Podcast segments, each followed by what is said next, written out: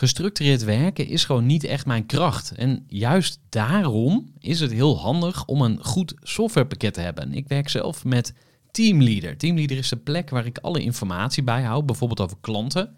Waarin ik offertes maak en verstuur en die digitaal laat ondertekenen. Waarin ik facturen verstuur, waarin ik lijstjes bijhoud, waarin ik projecten kan managen, waarin ik standaard e-mails kan programmeren. Kortom, ik gebruik Teamleader om alle werkprocessen van mijn bedrijf te stroomlijnen. En zeker ook als je met een team werkt, is het heel fijn om over dezelfde informatie te beschikken. Nou, als je ook benieuwd bent of er mogelijkheden zijn om jouw bedrijf meer te stroomlijnen, of je nu alleen werkt of met een team, ga even naar teamleader.nl slash groeivoer en je kunt dan vandaag nog een trial starten voor twee weken lang, gratis. En je kunt Teamleader volledig uitproberen. En na de proefperiode krijg je ook nog zo'n leuke korting als luisteraar van Groeivoer. Ga naar teamleader.nl slash groeivoer. Groeivoer. Groeivoer. Groeivoer.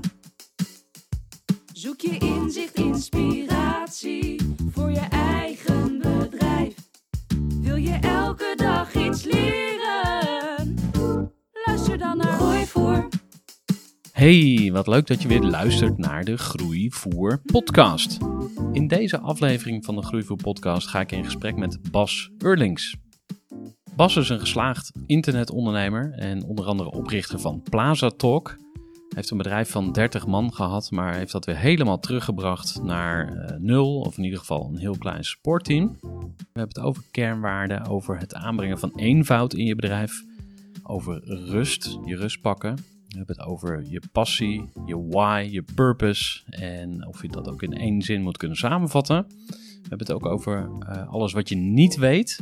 Want heel vaak denken wij als ondernemers dat we heel veel weten en we zijn lekker eigenwijs. Maar ja, je weet ook heel veel dingen niet. Bijvoorbeeld of iets een hype of een trend is. Of ehm, ja, hoe, hoe maak je nou het onderscheid tussen eh, iets waar je echt iets mee moet als ondernemer. En iets wat gewoon bullshit is en eh, wat jou door de bubbel wordt aangepraat. Nou, eh, een aflevering bomvol inspiratie. Dus ik hoop dat je daar heel veel plezier aan hebt. Ik zou zeggen, ga lekker luisteren naar Bas Eurlings. Voor de kennis en ideeën van een interessante gast. Die zijn verhaal met jou wil delen. Luister je naar Groeivoer. Bas Eurlings. Ondernemen op slippers. Eh, ik mag jou niet de dropship koning van Nederland noemen, want dat doe je helemaal niet. Je zit in de handel, jullie hebben eigen producten. En eh, volgens mij ben je iemand die eh, ja, letterlijk grenzeloos leeft. Want jij rei- reist de hele wereld over. En ondertussen blijft dat geld gewoon lekker binnenstromen in je bedrijf. Dus ik ben heel benieuwd hoe je dat gefixt hebt. Ehm, ja, je bent ook net je eigen eh, podcast eh, gestart. Die ga je eh, lanceren nog, maar je bent al begonnen met interviews. Klopt. Dus dat is superleuk. Je hebt hier een hele mooie koffer ook met allerlei ehm, eh, vette equipment erin. Gaan we straks nog mee kennis maken als jij mij aan de tand gaat voelen. Ehm, maar ik zou graag eerst wat meer over jou willen weten. Dus ja, steek van wal. Wie is Bas Eurlings? Ja, wie is Bas Eurlings? Ik ben altijd heel energiek. Eh, ja, mijn hoofdje draait altijd op volle toeren. Mhm. Zoals menig één ondernemer. Misschien een lichtelijke vorm van autisme en ADD, wat er ook altijd bij hoort, geloof ik. Maar voor de rest, ik, ik, vooral ben ik iemand die, die zijn vrijheid eh, prioriteert, het leven prioriteert boven alles. Ehm, eh, de connecties prioriteert, hè. niet alleen de connectie met mezelf, maar ook de connectie met andere mensen. Mhm. Ik geloof dat geluk te maken heeft met connectie met jezelf en ook connectie met anderen. Mhm. Ehm, dus ehm, ja, En, en hoe ben je erachter gekomen die, eh, dat connectie zo belangrijk is? waar, Ehm, waar is dat getriggerd bij jou? Ja, er is ook veel. Op een gegeven moment was ik wat meer aan het lezen en zo over, over wat betekent nou geluk en hoe vind je het, weet je. En dat is eigenlijk, ja, uiteindelijk is het een soort van eeuwige zoektocht natuurlijk naar, naar geluk. Maar ehm, eh, ja, het zit hem dan uiteindelijk in de rust en heel dicht bij jezelf zijn of blijven. Ehm, en daar dan de vrede mee vinden en de rust mee vinden. En dat is ontzettend moeilijk, kan ik je vertellen. Hmm. Ehm, ja, Dus dat is een beetje de uitdaging. Oké, vertel eens, wat, eh, waar loop je dan tegenaan? Of wat, want je hebt aan de ene kant dat onrustige, eh, ja, hoog, hoog energieke bruistablet eh, profiel, zeg maar. Ehm, die continu vooruit wil, die iedere keer iets, iets nieuws wil. ja, dat zijn allemaal mijn woorden natuurlijk. Maar en aan de andere kant zoek je ook rust en het is ook, mag ook een keer genoeg zijn. En tevredenheid of zo, dat is ook een woord dat bij me opkomt. Ja. En als ik je goed begrijp, dan ben je daar nu mee bezig om dat meer te balanceren. Klopt dat? Of- Ja, zeker. Oké. En Wat, wat heb je al ontdekt wat werkt voor jou? Of wat, ehm, Ehm, een van de belangrijkste dingen, denk ik, is eh, eenvoud. Hè? En eh, eenvoud in de breedste zin van het woord. Ook dat je niet alleen ehm, je, je leven eenvoudig houdt, maar dus ook je business. Het stomme is dat alle problemen of uitdagingen, hoe je het ook wil noemen, die je zelf hebt of krijgt, veroorzaak je zelf. En met die gedachte denk je ook van ja, dan kun je het dus ook zo gek of complex maken als je het zelf wilt. mhm. Ehm, en soms, ehm, een belangrijk ding wat ik echt, een, belangrijke les die ik heb geleerd de afgelopen tijd is dat je gewoon heel dicht bij je eigen kernwaarden moet blijven en die ook moet, eh, ja, misschien wel moet definiëren van oké, wie ben ik en waar sta ik voor en wat wil ik? Eh, Mhm. ehm, en als je dat hebt gedefinieerd, dan kun je steeds, als je een belangrijke keuze maakt, die erbij pakken en zeggen van oké, past dit bij mijn kernwaarden? Mhm. Ja of nee? Eh, eh, dan ga je het doen of niet. Ja. en en, en kan je zo'n kernwaarde noemen die voor jou eruit springt? Of een paar roepen waar Ja. je zegt van dat is leidend voor mij. Ja, een van die kernwaarden is dus ook, zeg maar, ja, diepere connectie met mezelf en met anderen. Ja. Maar ook vrijheid is voor mij een hele belangrijke kernwaarde. Ja. Om je een klein voorbeeld te geven, weet je, op een gegeven moment eh, had ik één business en vond ik het blijkbaar nodig om er, eh, om er eh, zes van te maken, zeg maar. In één keer had ik zes BV's en liep Mhm. alles door elkaar heen. Had ik 30 man op kantoor, werd het complex, ga je managen. Ja. Kom je erachter dat je het eigenlijk helemaal niet leuk vindt wat je aan het doen bent. Heel En, herkenbaar. Daar hebben we het net ook al even over Ja, gehad. precies. Ja. en ja, dan moet je ingrijpen. En, maar toch, datgene wat er staat en wat het is, heb je zelf gecreëerd. Dus Ja. dat is gewoon absoluut een beetje ehm, ja, krankzinnig. Want ja, eh, en toen ben ik helemaal teruggegaan naar de eenvoud. Althans, dat is, dat is het idee om, om één, eh, dichter bij jezelf te blijven. Mhm. En ook die rust meer te vinden van binnen. Want als je iets creëert waar heel veel speelt en wat allemaal moeilijk wordt, veel uitdagingen, dan krijg je ook veel onrust. Mhm. En ik geloof met eenvoud en overzicht creëer je rust. Dus dat Mhm. is een beetje het pad waar ik nu aan het bewandelen ben. Ja, en, en hoe heb je dat gefixt, zeg maar? Zijn er mensen die jou kunnen helpen daarbij? Of, eh, Eh, zeker, ja. Nou ja, ik heb echt best wel een pittige tijd achter de rug, weet je. Dus ik heb ehm, eh, letterlijk een team van 30 man afgebouwd naar eigenlijk één en een wereldwijd virtueel team. En dat was echt wel een pittige transitie. Op een punt had ik een CEO aangenomen. Ik dacht, oké, als ik een CEO aanneem, dan lost dat al mijn problemen op. Dan gaat die de tent maar runnen en eh, dan eh, kan ik mijn management via blijven sturen. Nou, blijkbaar was dat eh, niet helemaal de case, zeg maar. En er Mhm. kwamen nog meer uitdagingen en dat ging niet helemaal zoals ik wilde. mhm. En na zes maanden moest ik helaas concluderen dat, dat het dat niet de formule was, zeg maar. Dus het was een hele stressvolle en ook hele dure periode de afgelopen tijd. ehm, eh, die uiteindelijk ja, uit in nu terug naar de eenvoud, zeg maar. En dat, dat, dat die basis, of gewoon het eenvoudig houden. Het is super moeilijk om je business klein te houden. Mhm. Iedereen denkt, zeg maar, ik zeg ook altijd, niet groeien is doodgaan. Hè? Dus net zoals in de natuur. Groeit het niet, bloeit het niet, gaat het dood, uiteindelijk. En als ik dan kijk, eh, ja, en dat streven of zo, leven dat betreft ook een beetje een prestatiemaatschappij. En dat je iets moet laten zien of dat je het idee hebt dat je iets moet bewijzen, terwijl dat dus eigenlijk helemaal niet zo is. Ik ben dan ondernemer en, en Mhm. jij ook. Ja. Ehm, eh, er zijn natuurlijk veel mensen die in loondienst werken. Maar uiteindelijk de- de- zie ik ook dat mensen dan kijken naar van wat heb ik nodig en hoe krijg je status of zo, weet je. Dus een beetje een soort Mhm. van levensweg spelen. En dan had je Ja. zo'n soort statussymbool, weet je. Dat was dan de jacht en de auto en allemaal dat soort dingen. En blijkbaar is dat voor heel mensen nog heel erg belangrijk om die statussymbolen te kunnen laten zien aan de buitenwereld. Dat ze dan het idee hebben dat ze succesvol zijn. Alleen als je nadenkt over jouw eigen definitie van succes. Mhm. hè, dus als ik jou de vraag stel van wat is jouw definitie van succes? Mhm. Je krijgt bij iedereen namelijk een ander antwoord. Ja. En ehm, ja, ik denk dat dat belangrijk is dat je dat voor jezelf bepaalt. En Ja. ehm, uiteindelijk tevreden mee bent. Ja. Ehm, en jij zegt dus eigenlijk van eenvoud heeft je heel erg geholpen. Ja, om in ieder geval Ehm, terug te gaan naar de eenvoud. Ja. Dat is, kijk, als je iets complex hebt staan, is het niet heel makkelijk om te zeggen, nu is alles in één keer weg en is het Mhm. eenvoudig. Ja, zo Nee. werkt het niet. Nee, nee. en en eh, ben je daardoor ook dan eh, dichter bij je kernwaarden gekomen?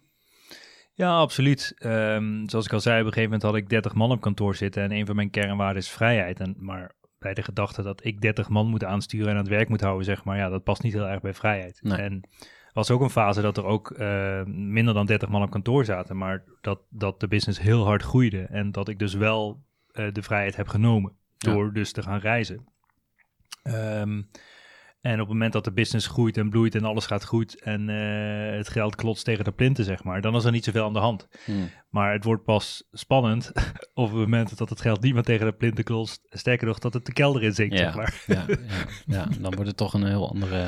En Ja. eh, lag je daar wakker van? Of eh, had je er buikpijn van? Of hoe... eh, Ja, nee, zeker. Ik kan, dat? ik kan wel stellen dat ik, dat ik wel, eh, ja, dat ik misschien wel een burn-outje heb gehad, zeg maar, een, eh, een, een, twee jaar geleden. En, en, en ik, ik heb er echt erop verkeken hoe, hoe lang het duurt om daar echt helemaal bovenop te komen van te herstellen. Weet je, ik had echt een periode echt geen zin om meer uit mijn bed te komen. En ik had nergens meer zin in. En je, weet je, je komt dan in een soort van doomloop, zeg maar. En je voelt je dan mislukt en je denkt alleen maar in doemscenario's.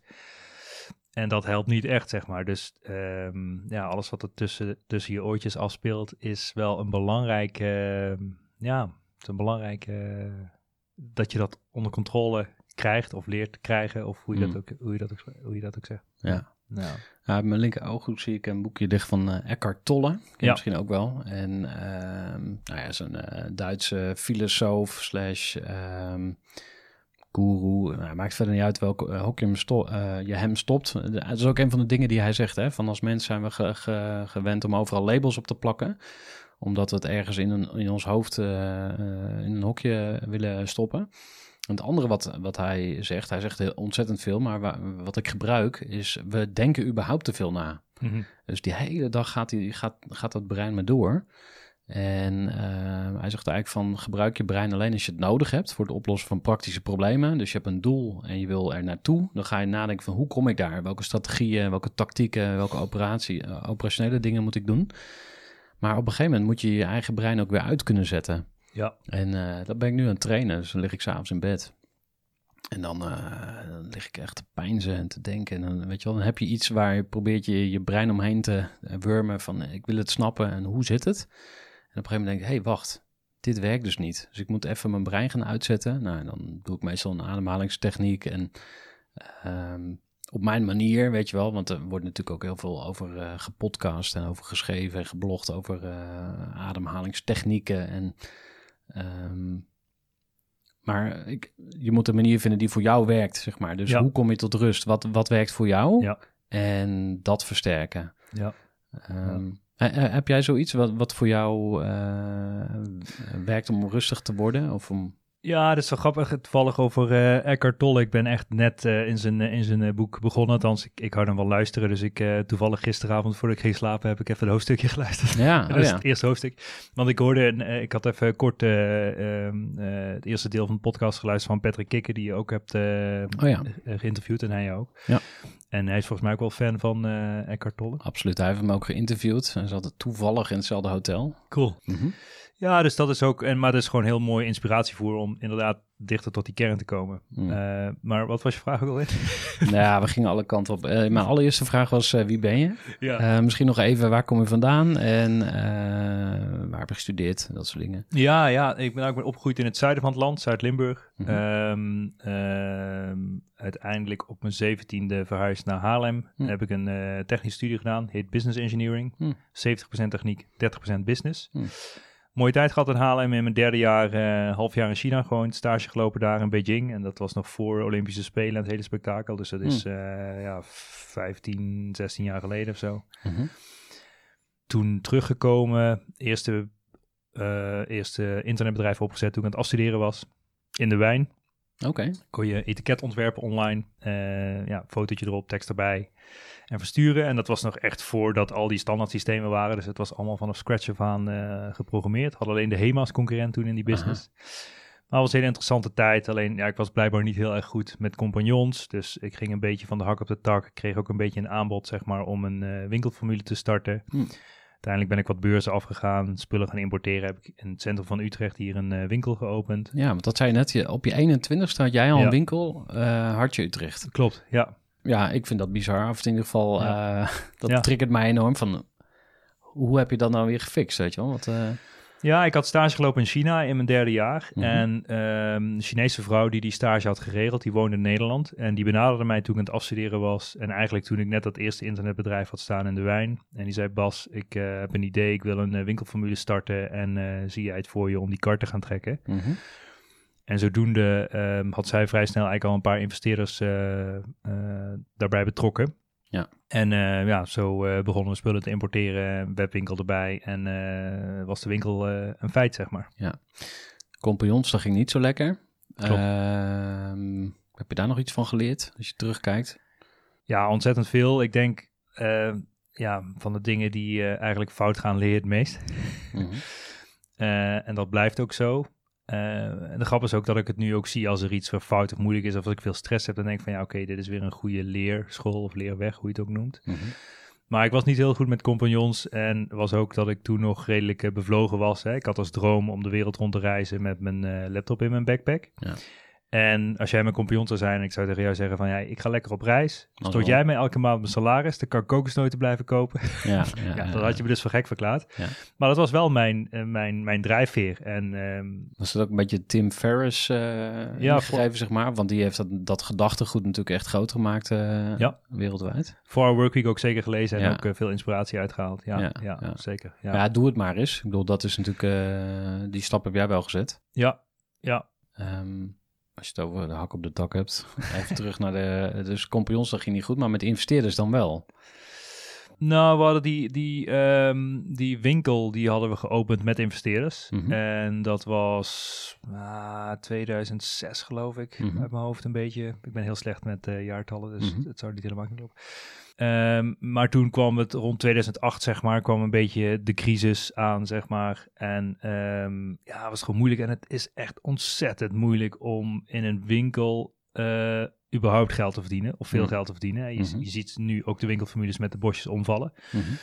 En in die crisis van 2008 merkten we ook wel dat het moeilijker werd. En de webshop die liep wel, maar ehm, ja, dat, dat, dat, dat had... Ja, de- ik had het liever omgedraaid toen de tijd al. Dat je gewoon eerst een webwinkel start die gewoon hyper winstgevend is. Mm. En daarna winkels openen, een beetje zoals Coolblue het uiteindelijk heeft gedaan Ja. natuurlijk. Ja, precies. Ehm, dus uiteindelijk hebben we die winkel gesloten en ben ik online doorgestart met een andere compagnon Mhm. niche webwinkels gemaakt in verschillende niches, zeg maar.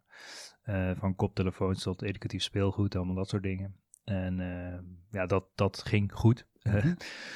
totdat, eh, totdat die compagnon besloot om mij een beetje eruit te fietsen. Dus die had van de een Mhm. op de andere dag allemaal wachtwoorden veranderd. En die Hey, zei joh. van, eh, Bas, eh, ja, bedankt, eh, go fuck yourself. Oké, wauw. Dus dat was uiteindelijk in de rechtszaal geëindigd. Ehm, dat was ook een mindere ervaring. En toen dacht ik van ja, oké, ik, ik wil geen compagnons meer. En ik ben er een beetje klaar mee. Ehm, Mhm. Toen ben ik voor mezelf gegaan eigenlijk. Begon ik aan de keukentafel. Mhm. Ja, 300 euro. Dingen importeren. Spullen stapelen in je appartement. Toen woonde ik hier in Utrecht. Mhm. En eh, dat ging redelijk goed. Ehm, en toen had ik echt mijn eigen kracht gevonden. En op een gegeven moment eh, liep het zo goed dat ik hier eh, in, ook in Utrecht een anti-kraakkantoor had gehuurd. eh vacature op Stage Plaza had gezet. Meteen zes stagiaires had aangenomen. ik dacht dat dat cool was. Ja. Nou, het Eh, klinkt wel had- aardig cool, ja. Ik had het wel nodig, want op een gegeven moment gingen we deals doen met de deal sites, zoals Groupon, vakantiewijn, dat soort dingen. En toen ging het volume echt door het dak. En we Hmm. hadden allemaal treintjes met inpak, eh, inpaktafels en eh, klantenservice. En het was echt ja, een bijzonder leuke tijd. Mhm. Ja. Cool. Even een korte onderbreking met een belangrijke vraag aan jou. Want wat heb jij geregeld voor het geval je van de ene op de andere dag zou komen uit te vallen? Wat gebeurt er dan met je bedrijf, maar vooral wat gebeurt er met jou persoonlijk en ook in financieel opzicht?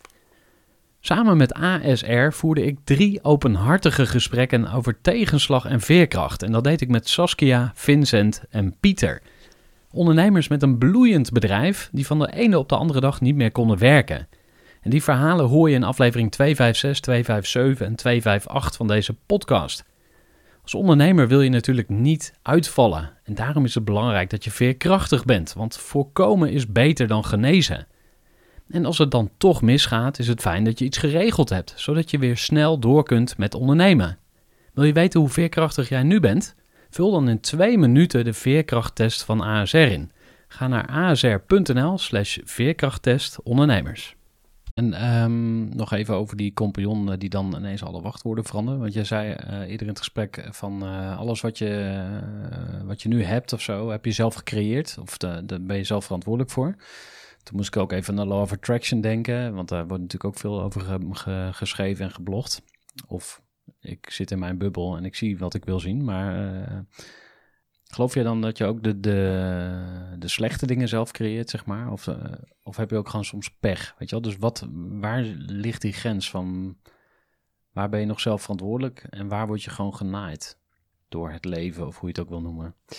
Ja, en het stomme is zeg maar dat ik het niet eh, per se als genaaid zou willen bestempelen. Want ondanks dat het iets heel vervelends was wat op dat moment gebeurde. En als ik er dan op terugkijk, zeg maar, is het misschien wel het beste wat me overkomen is. Want doordat dat gebeurd is, heb ik dus, eh, ben ik helemaal voor mezelf begonnen. Heb ik mijn eigen keuzes kunnen maken.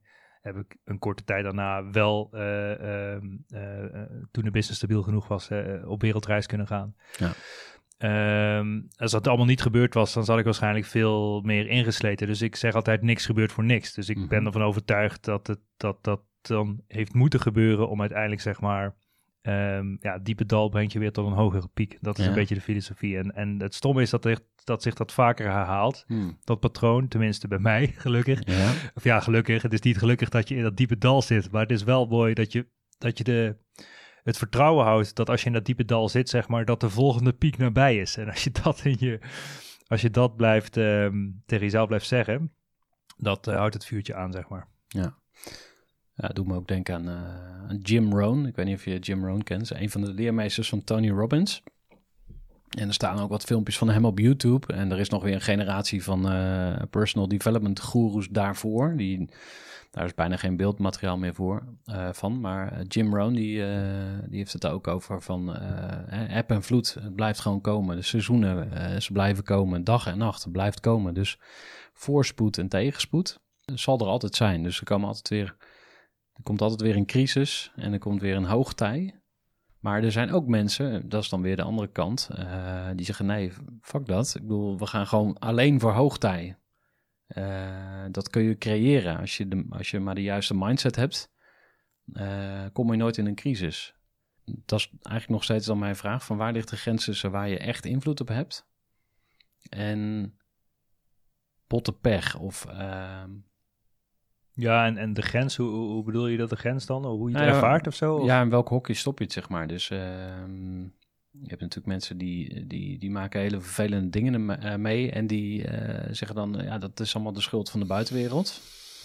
Nou, zo, zo zou ik het zeker niet zien. Ik geloof erin dat je, dat je eigenlijk alles zelf wel voor een heel groot deel in de hand hebt. Hè? Hmm. Dus kijk, eh, kijk, als we allebei nu dood neer zouden vallen, zou dat botte pech zijn. Ja. dat heb je iets minder in de hand. Maar ik geloof dat je de rest, dat je overal dermate invloed op hebt. En eh, eh, dat, dat, dat je dat zelf creëert en ook zelf in de hand hebt. Ja. Ja.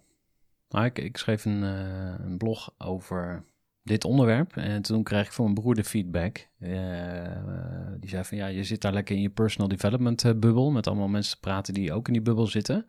Maar stel dat je in Afrika geboren wordt in een van de arm, hutje, weet je wel. Je hebt ook wel heel erg makkelijk praten vanuit je, vanuit je luxe positie. Dat je het leven kan maken en bla bla bla bla bla.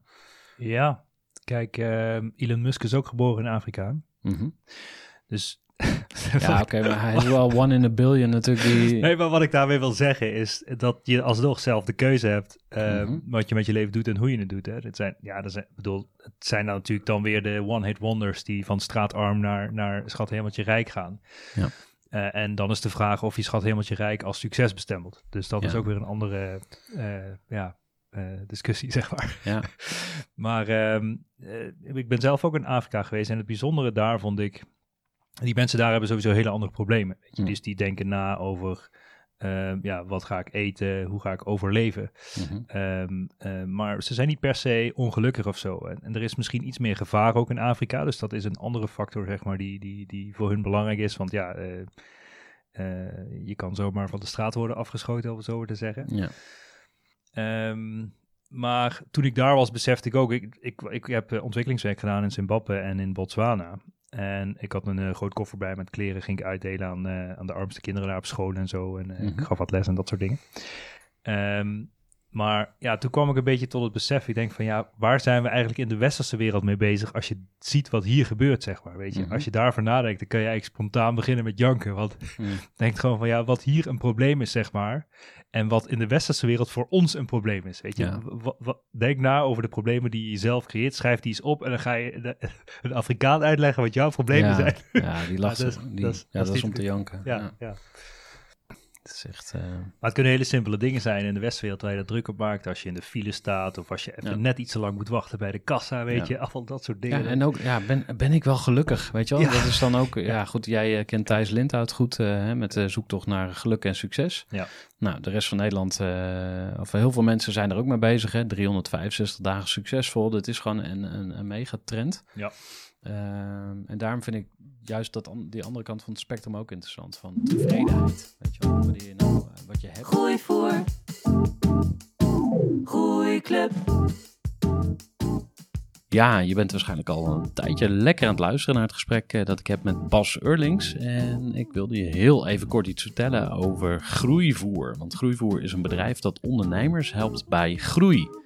En dat doen we door ondernemers eh, te stimuleren en te inspireren in de Groeiclub. Dat is een eh, netwerk van ondernemers. We komen elke week bij elkaar in een Zoom-call en één keer per maand live. Nou, mocht je het interessant vinden om lid te worden van de Groeiclub voor Ondernemers, eh, stuur mij even een berichtje. Dat kan bijvoorbeeld via info.groeivoer.nl, maar je kunt me natuurlijk ook gewoon even toevoegen op LinkedIn en een berichtje sturen. En tot zover dit gezellige reclameblokje. En dan gaan we snel terug naar Bas Eurlings. Luister lekker verder naar Groeivoer. terug naar jouw eh, bedrijven Imperium. Ehm, eh, waar, waar is ondernemen op slippers eh, begonnen? Want dat is. Ja, ondernemen op slippers begon dus toen ik echt eh, mijn 100% mijn eigen business had, ehm eh, anti-kraak zat en de business stabiel genoeg was. En toen had ik een hele igere ehm eh, schoolverlater eh, in dienst genomen, die capabel achter om eh, de business te runnen. En dat is ook wel gebleken dat dat gelukkig wel kon. En ehm, nou ja, zo hebben we een enkeltje Moskou geboekt en hebben we gezegd van ja, we blijven maximaal drie jaar weg. En we zien wel wat schipstrand en hoe het gaat. En eh, zo is de reis begonnen. Dus eh, ja, we hebben helemaal eh, begonnen daar in de trein van Rusland, weet je, de Trans-Mongolia Express. Lag ik daar een beetje in de trein de, de boeken van Robert Kiyosaki te, te luisteren. en, Rich Dad Poor Dad juist, en zo. Ja. ja. allemaal dat soort dingen. En, ja, het was even afschalen natuurlijk. Als je gewend bent om elke dag ja, toch te werken of je ding te doen. En dan in één keer heb je alle vrijheid en kun je elke dag zelf bepalen. En is het leven één groot avontuur geworden. Dus, ehm, maar ehm, ja, daar begon het ondernemen op slippers. En letterlijk, ik heb bijna twee jaar lang, eh, die hele wereldreis ook bijna twee jaar lang op slippers gelopen. Dus Hmm. vandaar dat ik dacht van ja, ondernemen op slippers is gewoon fantastisch. Ja. Buiten dan in Japan, dan gingen we snowboarden, weet je. Ja, toen had ik even geen slippers aan, maar... Klinkt dat, nog eh, steeds vet. Ja. En eh, wat. wat ehm, waar, waar sta je nu, zeg maar? Eh, en, en hoe kijk je vooruit? Eigenlijk twee vragen in één. Waar sta je nu en hoe kijk je vooruit? Nou, dus ik zit nu in het proces om alles eenvoudig te maken. Dus eh team van 30 man naar één virtueel team. Dat, eh, vind ik, dat vind ik ook echt, ja, dat geeft me heel veel voldoening, zeg maar. Als ik mensen over de hele wereld in ons team toevoeg, zeg maar. En mensen van de Filipijnen tot Suriname aan het werk kan zetten, zeg Mm. maar. En de impact die, die kan maken als bedrijf, terwijl je ze relatief gezien eh, voor westerse begrippen weinig betaalt, Ja. maar voor Filipijnse begrippen drie keer modaal, zeg maar. Ja. Ja, dan zie je wat voor impact dat heeft en, en wat voor een levens je eigenlijk kan veranderen over de hele wereld. Mhm. En dat, dat voldoet heel goed. En dus daar, op dat pad ben ik nu. En, en het Mhm. heeft ook met flexibiliteit te maken. En ehm, dat je business, naar mijn idee, ten alle tijden flexibel schaalbaar moet zijn. Omhoog, maar nog belangrijker omlaag. Ja. En ehm, nou, ik heb dus meegemaakt dat je dus 30 man op zitten en het niet flexibel schaalbaar omlaag is. En eh, dat is een eh, stressvolle en duurzame exercitie. Ja, ja. want eh, om, een, om een idee te krijgen, zeg maar, van die 30 mensen, wat, wat doen die de dag? We hadden toen nog eigen orderverwerking. Dus een mannetje of acht in de loods. Ehm, maar de rest allemaal. We hadden dus eh, eh, eh, drie takken waar we op verkochten. Onze eigen e-commerce kanalen. Eh, dus eigen webwinkels. eh, marketplaces, Bol en Amazon. En we deden de eh, groothandel en dat is voornamelijk deals sluiten met dealsites. Mhm. En dat spel speelden we internationaal, dus in acht landen. Daar zat het grootste deel van onze afzetmarkt. Onder andere via Groupon was toen een grote partner van ons. Ja, dat deden we gewoon bizarre omzet, of, omzetvolumes en ook aantallen, zeg maar, Ja. op elke maand. Ja. Ehm, ja, de, dat was het hele team, zeg maar, die dat helemaal runde. Ehm, als je zegt 30 man eh, terugbrengen naar één eh, virtual team, klinkt als een soort van eh, vernietigen wat je gebouwd hebt of het, het afschalen of zo. Want waarom ik daaraan denk is dat ehm, ik hoorde dat een keer ergens die zei van pioniers of start-up entrepreneurs, mensen die goed zijn in de eerste fase van een bedrijf. Die zijn heel goed ook in het slopen van wat ze opgezet hebben. Dus dat, dat zelfdestructief gedrag. Daar herkende ik mij wel in, want eh, bij Eager People, eh, mijn bedrijf, ehm, ging ik op een gegeven moment meer dingen kapot maken dan eh, opbouwen. Omdat ik iedere keer, als iets werkte, dacht ik van oké, eh bin there, done that. Ik weet nu hoe het werkt. Nu gaan we hier weer mee stoppen, nu ga ik weer wat nieuws doen. Dus eigenlijk ehm, eh, ben ik nu veel meer naar het bedrijf gaan kijken als een soort melkkoe. Even onerbiedig gezegd, maar gewoon laat iets wat werkt alsjeblieft intact. Ga niet slopen wat nu goed is. Ehm, maar als je iets nieuws wil proberen, zet het ernaast. En pas Ja. als het werkt, dan ga je dat eh melkkoetje weer opfokken. En, en zo bouw je zeg maar waarde op in bedrijven. Maar om jou goed te begrijpen, je gaat dus niet van 30 man terug naar één man.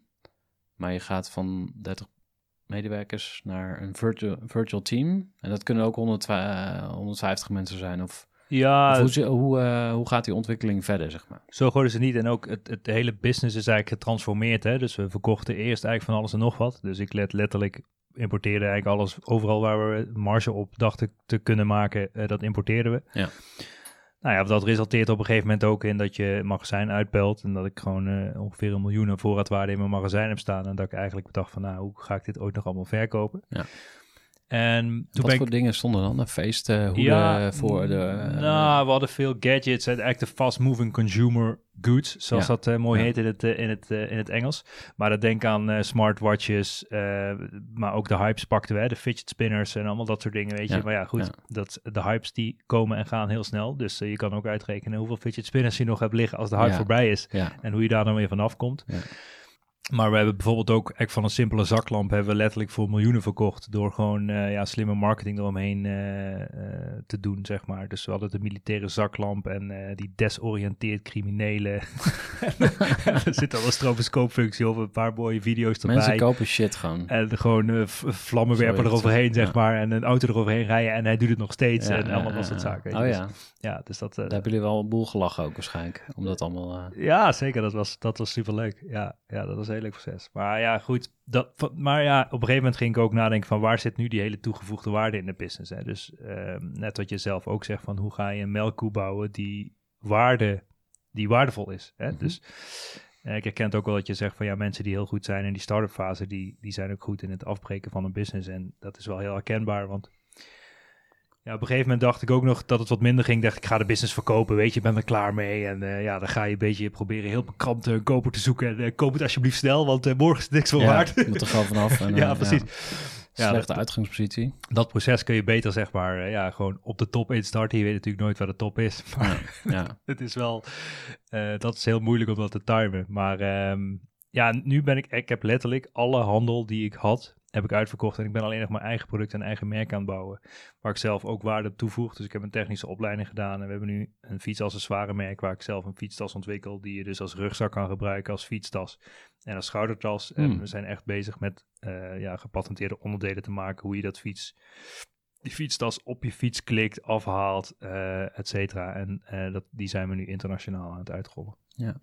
maar als ik het goed begrijp, die zaklampenbusiness, of wat je dan ook, hè, de, eh, de zaklamp was een voorbeeld, maar Ja. de- de- dat hele machientje, zeg maar, dat heb je... De van alles en nog wat machine, die heb ik geprobeerd te verkopen. Ja. Eigenlijk al te laat dus. Ja. En dus helemaal afgeschaald, alles uitverkocht. En Ja. is geen handel meer. En waarom is, waarom kan je die marktpotentie niet vasthouden? Of zijn er dan te Ehm, veel kapers op de kust of zo? Of wordt het model te veel gekopieerd? Of, eh, Ja, een combinatie van meerdere dingen. mhm. Ehm, Want Want het zou een mooie cash generator kunnen zijn. Dat, zo, zo dacht ik van, hey, stel je hebt gewoon, ehm, misschien word je, ben je niet gepassioneerd over eh, zaklampen met stroboscoopfunctie. Ook. Eh, dus als je het hebt over purpose en wat wil Ja. ik nou toevoegen in de Ja. wereld en eh, wat wil ik dat mijn kinderen of mijn kleinkinderen ooit over me zeggen. Ja, papa die verkocht eh, eh, Ja. B-kwaliteit. Ja, ik noem het crap via internet. Precies. Shit die je niet nodig hebt, maar Ja, die wel geld kost. Precies.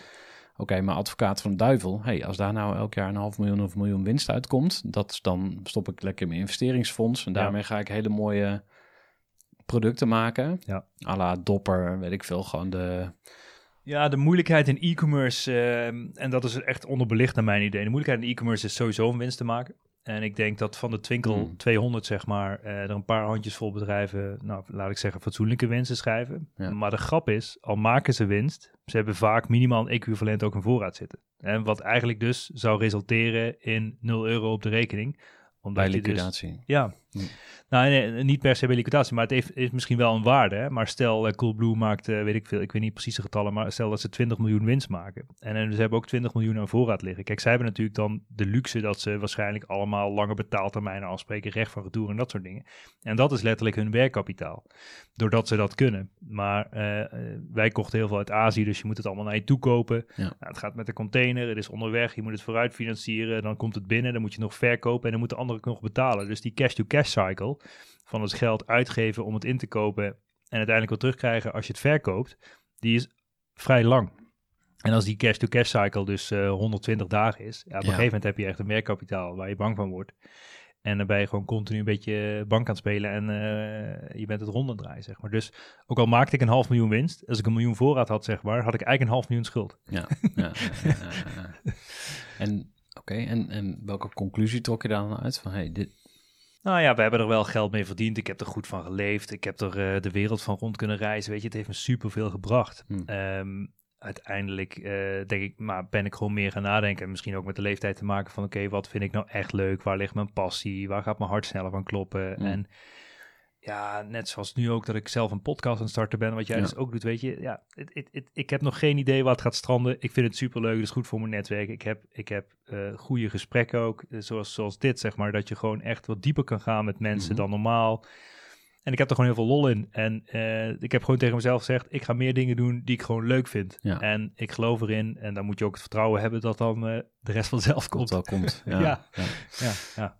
Ehm, wat ik wel mooi vind is, jij begint nu ook je podcast. En we hadden het eh, voor, de, eh, voor dit gesprek ook even over. En ehm, ja, je begint gewoon en dan, dan ontwikkelt het zich ook, weet je wel. Eh, soms weet je het ook nog niet en soms is je verhaal ook nog niet klip en klaar. Dus eh, tegenwoordig als je aan mensen vraagt van, hey, wat is jouw purpose of nou, impact hoor je vaak. Ehm, in mijn hoofd is dat alweer een beetje een besmet woord geworden, weet je wel. Want tegenwoordig wil iedereen impact maken. Zo was duurzaamheid ooit ook een, een tof woord. En op een gegeven moment ging iedereen roepen, we willen duurzaam. Ehm, maar wat ik zelf ervaar, is, soms weet ik het ook gewoon even niet. Ja, wat, is je, wat is je purpose? Ja. Heb, je, heb jij dat ook? Of, of ben jij... Ja, zeker. Ja, ik denk dat het ook iets, was, wat, iets is wat zich ontwikkelt, zeg maar, gaandeweg. En ehm, ja, het stomme is ook als je dan zo'n fase hebt dat je aan het zoeken bent. Vaak is dat heel onrustig voor jezelf. Want dan ga je Mhm. nadenken, ja, ik heb geen purpose, weet je. Ik heb dat eh, boek gelezen van Simon Sinek, Start Mhm. with Why, weet Ja. je. Ja, toen ik dat boek had uitgelezen, voelde ik me echt een super no-no omdat ik geen why had. Ja, ja, ja, ja precies. dan denk je gewoon, Ja, dus- ja. maar ik dan word je dus verneukt inderdaad. Dan denk ik van ja, dus ik moet in, in één zin kunnen uitleggen waar ik voor sta en waarom ik leef. Ja, maar misschien is juist de andere kant ehm, eh, nog beter als je er gewoon vrede mee hebt dat je het even niet weet en dat je het als een reis ziet en dat je uiteindelijk wel weer uitkomt eh, bij datgene wat, wat het wel is, zeg Ja. maar. En als je daar vrede mee leert hebben en rust en eh, niet die onrust die, die het vaak geeft, Mhm. ik denk dat dat, eh, dat, dat een goede stap is, zeg maar. Wat me te binnen schiet is ehm, eh, het ideaal van de homo ludens, hè, dus de spelende mens. Dat vind ik ook wel aantrekkelijk eigenlijk. Dat je eh, zegt van, hey, mijn leven is gewoon ehm, soms bloedserieus, maar heel vaak ook gewoon een spel. Weet je wel, ik doe maar wat. Maar dat is natuurlijk niet wat je wordt aangeraden door business gurus. Als je zegt van, ik doe maar wat en eh, ik ben gewoon een beetje aan het spelen, dan ben je eigenlijk verkeerd bezig. Ja, Ja, goed, ik zie het leven zelf wel als één groot spel. Alleen, wel, ja, meer die business gurus, die, die, nou ja, die proberen je dan in die peak state te, te brengen, zodat alles Ja. alleen maar mooi en goed en groter en rijker en beter kan. Ja. Er zit vaak ook wel een kern van waarheid in natuurlijk, dat je het allemaal zelf aan de hand hebt en dat je het kan creëren. Maar goed, als je dan terug naar het spirituele gaat, zeg maar, ja, dan, dan eh, ja, als je tevreden bent met niks, eh, wat is dan je streven, zeg maar? Ja. ja, misschien is daar ook weer allebei, weet je wel, van en streven Ja. en Ja. Hm. ja. Want heb je wel eens, doe je vaak mediteren en allemaal dat soort dingen? Of niet, niet echt? ehm, Probeer je dit ook? Lukt het niet? Nee, ja, eh, wat ik eh, eerder zei, van mezelf tot rust brengen. Als ik denk van, ah fuck, eh, mijn hoofd eh, begint nu door te draaien, zeg maar. Ik ben gewoon aan het overthinking, zoals Eckhart Tolle dat dan noemt. Ja. Ehm, echt, echt zitten en mediteren, dat doe ik niet. Wat me wel steeds beter lukt, is om even uit te zoomen, zeg maar. Dus om even uit het moment te stappen en denk, hey, wat de fuck ben ik mee bezig? Ik zit veel te verkrampt en eh, of ik ben eh, nu veel te hard aan het werk. Of, ehm, dus ik, ik heb wel meer controle over mezelf in die zin. Of in ieder geval, het voelt als controle. Nou, ik heb een soort neiging om altijd eh, uniek te willen zijn. Terwijl je bent eigenlijk helemaal niet uniek als mens. En tegelijkertijd ben je het ook wel. Want er is maar één van jou. Ja. Maar dan hoor ik altijd gewauwel, zeg maar, uit die pers- personal development. Van eh, purpose en why en missie en zus en zo. En ademhalingstechnieken. En nou hebben ze bij 365 dagen succesvol weer een zweethut eh, Ja. gekocht in de polder. Nou, daar moet Ja. ook iedereen naartoe. Ja. En, maar die hypes creëren, zeg maar, dat trek ik gewoon niet. Dus of ik moet gewoon mezelf terugtrekken uit die eh, bubbel. Dus dat doe ik ook. Eh, ehm, ja. ik weet niet, man. Dicht bij jezelf blijven, denk ik, is toch eh Mhm. key. En, maar eh, het vertrouwen hebben dat je zelf de juiste keuzes maakt. Hè? We zijn allemaal geneigd om in die hypes allemaal mee te gaan. Misschien zitten we daarom hier wel een podcast op te nemen en ga je over een paar maanden een zweethut in. Je, Ja. weet het niet. Ja. Dus je, je hebt de neiging om heel vaak, het, het- en, en als je erover nadenkt, is heel veel wat we doen ook een soort van kuddegedrag natuurlijk. Weet Ja. je? En, en alles zijn ingesleten patronen waar je helemaal niet bij stilstaat. En zo beland je dus uiteindelijk in een soort van automatisch piloot. En in één keer ben je, weet ik hoeveel jaar verder, en dan denk je van, oeh shit, weet je, Ja. was dit dan de autopilot eh, fase? En ja, het bewustzijn is, is heel ver te zoeken vaak, omdat je, als je erover nadenkt wat je 's ochtends doet, 's avonds doet, eh, overdag doet, het zijn allemaal patronen uiteindelijk. Ja. En, en, en ja, eh, het is super moeilijk om daar dus van af te stappen en dus, wat jij misschien zegt, van wel uniek te zijn in, in een ander patroon. Maar ja, ik denk gewoon dat je heel dicht bij jezelf moet staan, doen wat je leuk vindt dat dat het belangrijkste is. En eh, ja, als je daar een beetje geld mee kan verdienen, is het ook nog leuk. Ja. Ja. ideale bruggetje naar een vraag die ik nog eh, zeker wilde stellen over je eh, business. Want ehm, ja, ondernemen op slippers, hè, dat willen heel veel mensen. Het is natuurlijk fantastisch als je lekker op het strand kan zitten en het bedrijf draait gewoon door. Ehm, maar dan moet je verdienmodel wel kloppen. Dus er moet wel echt eh, geld eh, binnenkomen. De verdienmodel eh, bedoel ik mee gewoon, je moet iets hebben waar mensen gewoon zoveel geld voor willen betalen dat er gewoon na aftrek van alle kosten en het liefst ook na overhead kosten nog steeds gewoon echt een royale winst overblijft. Ehm, eh, wat, wat zijn je tips voor ondernemers? Want ja, om dat even te kopiëren, dat model, dat is niet zo makkelijk. Maar hoe, Nee. hoe ehm, De markt is eh, steeds competitiever ook online en eh, de marketplace zijn heel erg hot. Hè? Dus eh bijvoorbeeld Amazon en die krijgen heel veel macht ook. Maar er is ook veel te halen. Want kijk, zelf ben ik ook helemaal de code heb ik gekraakt op Amazon, zeg maar. Ja, en als je die code kraakt, kun je over, die handel over de hele wereld verkopen. In een relatief korte tijd, omdat Amazon gewoon ja, het grootste e-commerce platform ter wereld is.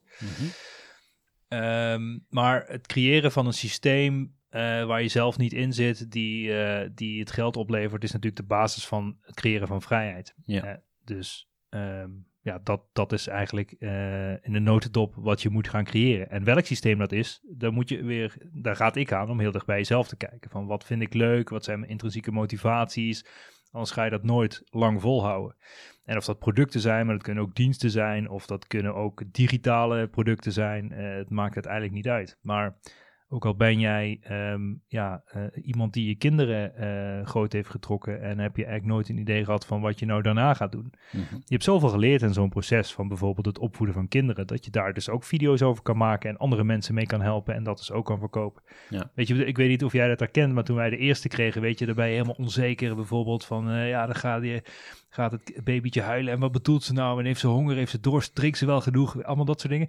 En toen hebben wij letterlijk een of andere koers gekocht, Ja. dat je aan Oh, het geluidje van het huiltje Oh, ja. kon horen wat ze nou bedoelde. Nou, dan denk ik van, ja, Ja. hoe bedenk je dit? Maar blijkbaar is dat dus een markt voor, maar dat is maar een voorbeeld. ja, mooi. ja. Ja, dus je kan eigenlijk altijd je kennis vermarkten. Ja. Ehm, en hoeveel tijd heb je dan nodig om een goed loop of een, een, een steady systeem neer te zetten volgens jou?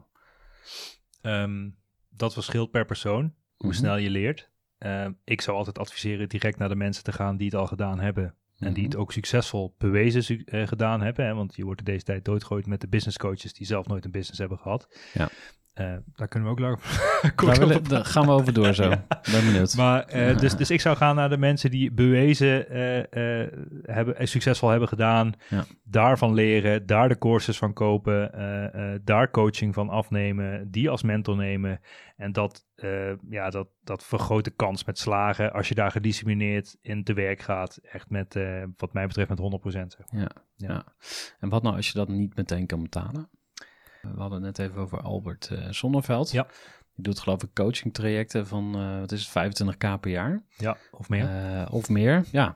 Nou, toen ik dat bedrag hoorde, dacht ik wel van, hmm, oké. Ze zeggen, if you pay, you pay attention. Hè? Dus, If you don't eh, pay, you don't pay attention. Ook, Eh, ja. Of if you pay, you pay attention. Ja, precies. Ja, Ja, ja, dus eh, zee- ja, maar, maar 25 ruggen, zeg maar. Ja. Dat is zelfs iets waar ik ook over na moet denken. En ik heb ook een miljoenenbedrijf, snap je? Dus het is niet dat... dat eh, ik kan het geld wel bij elkaar... eh, eh, eh, v- ja, precies. Dan even ergens een beetje schudden aan de boom. Maar ehm, hoe kan je die eerste stap zetten? Of... ehm, Ja, ik snap Snap wat je de zegt. moeilijkheid? Dus, ja, nou ja, is, zeker. Want ik ben natuurlijk op een gegeven moment ook mijn business met 300 euro begonnen. De vraag is hoe je met het minimale middelen maximale upside gaat creëren, weet je. Ja, en in deze tijd liggen alle e-learning platforms liggen letterlijk voor je voor veel te weinig geld. Hè? Ik bedoel, ehm, YouTube staat vol met, met learnings. Hè? En dus wil je iets leren, eh, zoek het op YouTube en kijk gewoon tig filmpjes en je wordt vanzelf beter. Eh, maar ook platformen als Udemy of al dat soort dingen, weet je, waar je gewoon voor 10 euro fatsoenlijke courses kan komen als je iets, wil- als je iets wil leren, weet je. Ja. Ook zo'n platform als Fiverr, waar mensen dus gewoon al hun skills aanbieden voor een 5 euro of een multiple daarvan. ja. Ja, eh, als jij een cursusje Photoshop koopt en je gaat logo's maken, ja, dat is geen rocket science. Nee, En dat nee. kan iedereen binnen twee dagen leren. En je kan logo's verkopen voor 15 euro. En als je dat heel vaak doet, heb je ook een leuk inkomen. Ja, ja, Ja. dus alles kan gaan. Ja. Ja. Dus, En dan, eh, hoe, hoeveel tijd zou jij rekenen, zeg maar, voor, voor eh, neerzetten van een normaal goedlopend bedrijf? ehm, nou, er is een verschil in producten of diensten. Mhm. Als je een dienst eh, aanbiedt of een service of een e-learning, ja, dat kun je letterlijk in een paar dagen tijd eh, neerzetten, zeg maar, als je daar de Mhm. juiste tools voor handen hebt. Ja. Ehm, dus, dus het kan in een korte tijd. En, maar het stomme is, alles valt of staat uiteindelijk met de marketing. Want ja, je kan de mooiste website hebben of de, eh, ja, wat, wat het is, maar zonder verkeer verkoop je helemaal niks. Dus Mhm. uiteindelijk, zeg maar, moet je goed eigenlijk is dat de enige skill die je zou willen bezitten, denk ik, is gewoon marketing skill. Dat je, dat je iets kan verkopen. Ja. En dat, dat is gewoon eh, het belangrijkste. Ja. En, en wat doe je met ondernemen eh, op slippers? Dat is ook echt, zeg maar, eh, het begeleiden van ondernemers, denk ik. Of, ehm, Nou, ondernemer op is eigenlijk de naam van de podcast. En het, het zit een beetje tussen mijn businesses in. Ik heb één business waar ik dus mijn eigen merken eh, en producten over de hele wereld verkoop. Een Ja. andere business is eigenlijk waar ik in andere mensen leer hoe ze dat succesvol kunnen doen. En Ja. een podcast is meer een, een, misschien een uithangbord van, van beide. Dus ik, Ja. leer, ik leer hoe ik het, het, product over de wereld verkoop. En dat leer ik en dat doe ik zelf. En ik leer dat aan andere mensen hoe ze dat ook succesvol kunnen doen in, in mijn platform heet plazatalk.nl. ja. En ik denk dat dat, eh, dat nou, een leuke combinatie is, zeg maar. Ja. ja. Heb je ook al je eigen slippers ontwikkeld? Nog niet, nee, maar ik was wel aan het nadenken. Dat zou ik heel cool vinden. Als je een soort Havaianas, want die zijn Ja. natuurlijk eh, eh, worldwide bekend. Ja, Als je een soort dopperachtig iets hebt, maar Ja. dan slippers. ja. Maar het, het, moet, het moet premium, zeg maar. Het moet, als jij de ondernemer op slippers, slippers hebt, zeg maar, Ja. dan, dan heb je gewoon slippers van badass. 1000 euro waar je voet op Ja. zet. Die, maar eh, ja, maar eh, weet ik veel wat erin zit. Eh, Het moet gewoon echt een premium slipper zijn. Dat lijkt me vet, ja. Oh, interessant. Ik ga het volgen. Is er nog iets wat je graag, want we gaan een beetje richting afronding. Ehm, is er nog iets wat je graag mee wil geven aan ondernemers die luisteren? Eén één les die er voor jou uitspringt of een recent inzicht waarvan je dacht, wauw, dat is een eye-opener, die, ehm, die wil ik delen. Ja, nou, ik weet niet helemaal precies wie exact naar deze podcast luistert, Ja. maar ehm, Vooral ondernemers. Ja. ja, Maar dat is nog steeds een brede groep. Ja. precies. Ehm, nee, maar goed, ik zou er toch weer terug willen komen van eh, kijk naar je eigen kernwaarden en richt je leven zodanig in waar gewoon je vingers mee af kan likken, weet je. Dus ik zie ook veel ondernemers die een business starten en uiteindelijk gewoon vastzitten in hun eigen onderneming en waar Ja. wij zelf misschien ook veel ervaring mee hebben gehad en wat dan veel stress en geld eh, kost, et cetera. Dus blijf dicht bij jezelf, geloof in jezelf en ehm, ja, gewoon eh, creëer een epic leven. ja, supermooi. Ja, Bas, dankjewel. ja graag gedaan. Ja, dat was het gesprek met Bas Eurlings. Ik hoop dat je het een eh, mooi gesprek vond. En we mogen ook een aantal exemplaren van het boek van Bas weggeven. En het boek heet Nu of Nooit op Amazon. En je kunt dat boek winnen als je even de socials in de gaten houdt.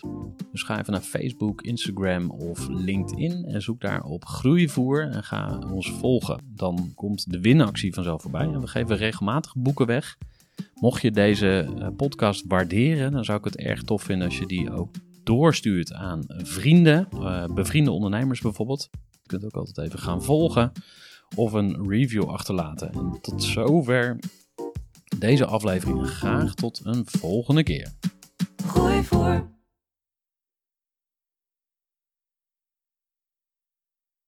Gestructureerd werken is gewoon niet echt mijn kracht. En juist daarom is het heel handig om een goed softwarepakket te hebben. Ik werk zelf met Teamleader. Teamleader is de plek waar ik alle informatie bijhoud, bijvoorbeeld over klanten.